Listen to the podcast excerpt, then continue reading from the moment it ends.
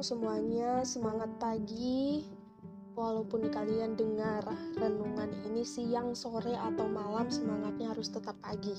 Dan kita akan mendengar renungan dari pembacaan singkat kita. Untuk itu sebelum kita melakukannya, mari kita buka di dalam doa. Terima kasih Tuhan Yesus untuk penyertaan-Mu kepada kami semua sampai kami boleh ada hingga saat ini semua karena pertolongan dan cinta kasih Tuhan. Bapa, pada saat ini kami anak-anakmu hendak membaca dan merenungkan firman-Mu. Tuhan berkati, beri hikmat pengertian, supaya apa yang kami baca tidak lalu begitu saja, dan boleh tertanam dalam hati dan pikiran kami, dan kami tidak hanya jadi pendengar, tetapi boleh jadi pelaku-pelaku firman-Mu.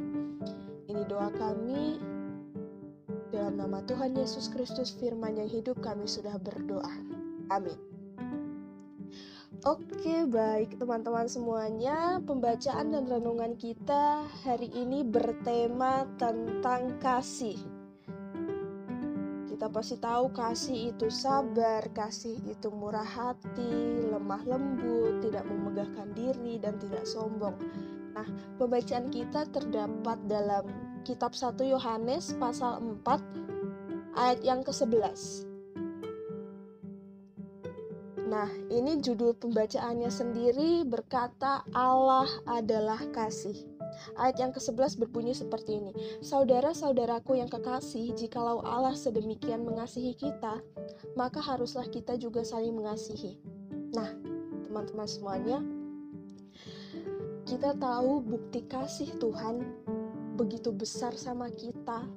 Itu bisa dilihat dari setiap helaan nafas kita, setiap apa pun yang kita lakukan, dan yang paling penting adalah kita lihat dari bagaimana pengorbanan kasihnya yang begitu besar untuk kita dengan mengorbankan Tuhan Yesus di kayu salib.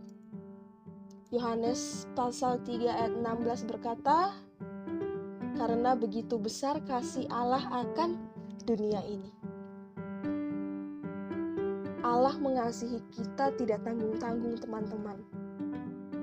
Dia tidak lihat ras kita, dia tidak lihat good lookingnya kita, tidak lihat dari pintarnya kita, tetapi apa pun yang ia lakukan untuk kita itu pasti sama rata. Karena apa? Ia menciptakan kita itu seturut gambar dan rupanya di mata kita, di mata ia, di mata dia, di mata Tuhan Allah kita, kita semua ini sama, teman-teman. Gak ada bedanya. Karena kita tahu Allah adalah kasih dan ia sedemikian itu mengasihi mengasihi kita maka hal itulah yang membuat kita juga harus bisa saling mengasihi. Nah, dari firman ini juga kita bisa lihat bahwa kita sebagai manusia harus punya harus punya kehidupan yang saling dengan sesama kita saling mengasihi, saling mengingatkan, saling menopang dengan kita mengingatkan orang-orang di sekitar kita ketika mereka berbuat mungkin sesuatu yang melenceng, sesuatu yang salah, itu adalah tanda bahwa kita punya kasih yang besar untuk sesama kita.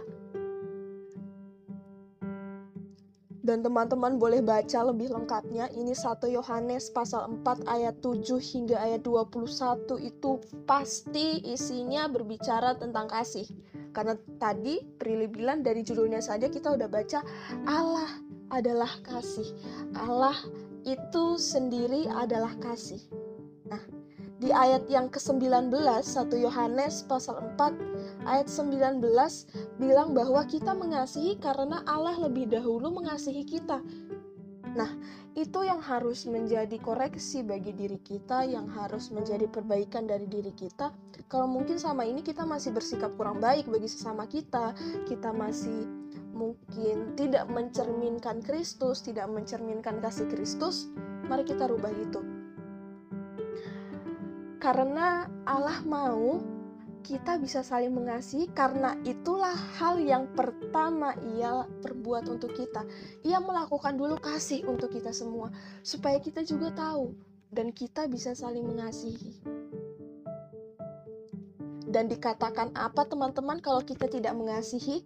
Di 1 Yohanes pasal 4 ayat 8 bilang kalau kita tidak mengasihi maka kita tidak mengenal Allah, karena Allah itu sendiri adalah kasih.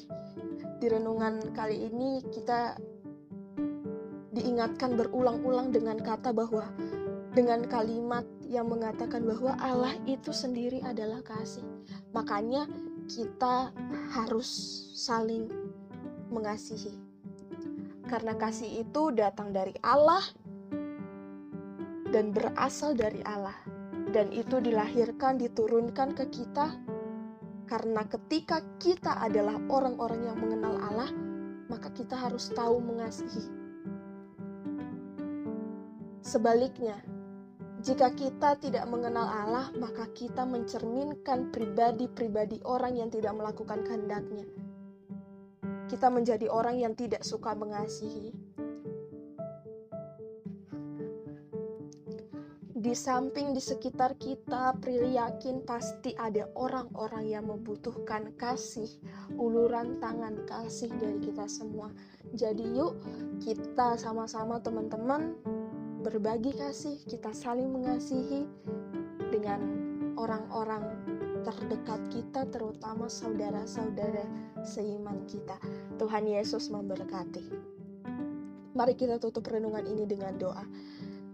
Terima kasih Tuhan, kami hari ini boleh diingatkan jika kemarin-kemarin, bahkan sampai detik ini mungkin kami masih bersikap kurang baik kepada sesama kami, kami boleh diingatkan supaya kami bisa saling mengasihi karena Engkau adalah kasih itu sendiri. Tuhan Yesus, biarlah kami boleh jadi anak-anak yang taat dan setia akan menjadi pelaku-pelaku firman-Mu. Terima kasih Tuhan. Haleluya. Amin.